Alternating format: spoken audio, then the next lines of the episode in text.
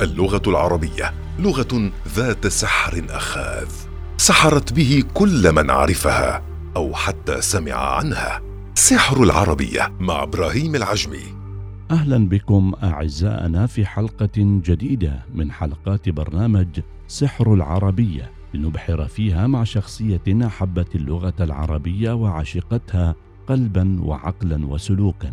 في هذه الحلقة من برنامج سحر العربية مستمعينا نستضيف فيها الصحفية شميسة النعمانية التي حددت أربعة عوامل لنشوء علاقتها باللغة العربية في صغرها. أه بدأت آه، علاقتي باللغة العربية منذ الصغر وأستطيع أن أقول بأن يعني ألخص أربعة عوامل كانت آه، السبب الرئيسي في نشوء علاقة قوية بيني وبين اللغة العربية منذ الطفولة. آه، هذه العوامل هي الشعر.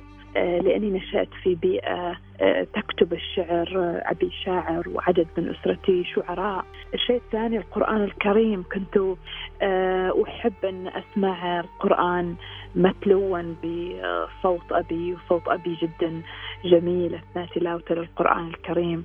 فالتأمل الآيات أو الكلمات طبعا بالوعي البسيط آنذاك في الطفولة وما بعدها من العوامل أيضا الأحاديث القدسية أنا الأحاديث القدسية كنت ولا أزال أعشق لغتها. آه كذلك لا أغفل عامل رئيسي وهو معلمات اللغة العربية. بأمانة معلمات اللغة العربية لا سيما في المرحلة الإعدادية كان لهن آه، دور كبير في آه، آه، في بناء اتصال روحي وليس فقط فكري.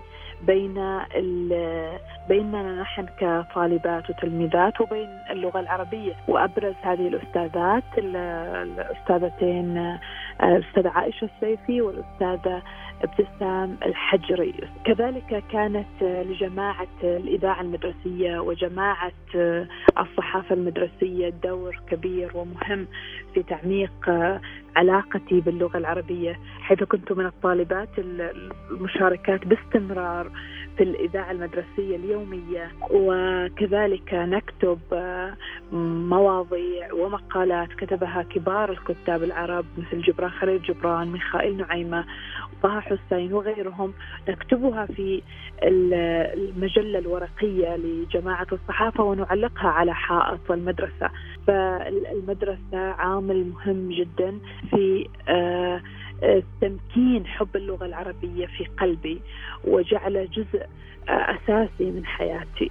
ثم بدأت الصحفية شميسة في التطرق لمظاهر تجلي اهتمامها باللغة العربية من خلال المعجم اللغوي واختيار اللغة كتخصص في مرحلة البكالوريوس والماجستير فضلا عن الكتابات الشعرية التي كانت ترافقها ذاكرة موقفا طريفا حدث معها بعد دخولها للجامعة. في مراحل حياتي المختلفة آه، تجلت مظاهر اهتمامي باللغة العربية في عدة أشياء. آه، من مظاهر هذه الاهتمام أنني على اتصال مستمر بالمعجم.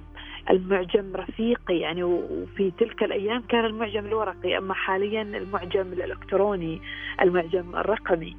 فلا أستطيع يعني لا أتخلى عن المعجم وأعود إليه باستمرار. كذلك آه، اختياري تخصص اللغة العربية في في مرحلة البكالوريوس. وكان اختيارا واعيا ودقيقا ومقصودا أني أختار اللغة العربية وأن تكون هي التخصص الذي ادرسه وأتعمق فيه في مرحلة البكالوريوس. آه، فيما بعد في مرحلة الماجستير آه، اهتممت بالاشتغال البحثي في مجال تحليل الخطاب. فتحليل الخطاب أيضا عائد إلى علاقتي الوطيده باللغة العربية. طبعا فضلا عن كتابة الشعر والشعر يعني يدل على العلاقة العميقة التي بيني وبين اللغة العربية. آه، من المواقف الطريفة التي تتعلق بعلاقتي باللغة العربية آه، أني عندما كنت طالبة في جامعة سلطان قابوس وفي سنتي الأولى وربما فصلي الأول ذهبت إلى مكتبة الجامعة وكنت أود أن أستعير كتابا. فعندما ذهبت إلى موظف المكتبة كنت أتحدث معه باللغة العربية الفصحى. يعني أقول له هل لك أن تعيرني هذا الكتاب؟ أبحاثه عن كتاب يتحدث عن هذا الموضوع. فيعني هو دخل في نوبة ضحك هستيرية ومستمرة وكنت مدهوشة يعني ما الخطأ في الموضوع يعني؟ فاستغربت ثم سألته يعني ما المشكلة؟ فقال لي أن لأنك تتحدثي باللغة العربية الفصحى. فبدأت يعني أفصل بين أن المواقف العادية لسنا مضطرين فيها للحديث باللغة العربية الفصحى. ربما لأني كنت أتلذذ بأن أتحدث باللغة العربية الفصحى. آه، بينما المواقف التي آه، تتناسب مع آه، الحديث باللغة العربية الفصحى يكون كذلك. بعدها ذكرت النعمانية أن اللغة العربية في قلبها وعقلها وأنها تجد فيها متسعا لكثير من أساليب الحياة وأنها تمارسها عن طريق الشعر وعملها اليومي الصحفي وما يتعلق بالتدقيق اللغوي ولم تخفي تضايقها عندما تستمع لأحد أو للوحات لا تحفل باللغة العربية ولا تراعيها. اللغة العربية حاليا في قلبي وعقلي هي ترافقني في كل شيء ترافقني في حياتي اليومية آه، أجد فيها متسعا آه، للتوضيح أو للتضمين أو للتصريح أو للتورية اللغة العربية بحر واسع وكبير فعلاقتي باللغة العربية جدا وطيدة. الآن أمارس اللغة العربية عبر عدة منافذ. أولها كتابة الشعر ثانيها عملي اليومي المتصل بالصحافة ثالثها أحيانا التدقيق اللغوي لبعض الكتب. وأشجع الآباء والأمهات والمعلمين على الاهتمام بغرس حب اللغة العربية في النشء الجديد. آه، شخصيا يعني أتضايق جدا آه، عندما أسمع مثلا متحدث يتحدث باللغة العربية الفصحى ولا يتقنها من حيث النحو مثلا. آه، أتضايق عندما أشاهد لوحات المحلات مكتوبة بأخطاء همزة قطع بدل همزة وصل مربوطة بدل هاء وهكذا. أنا أقدس اللغة العربية وأعتبرها شيء أساسي.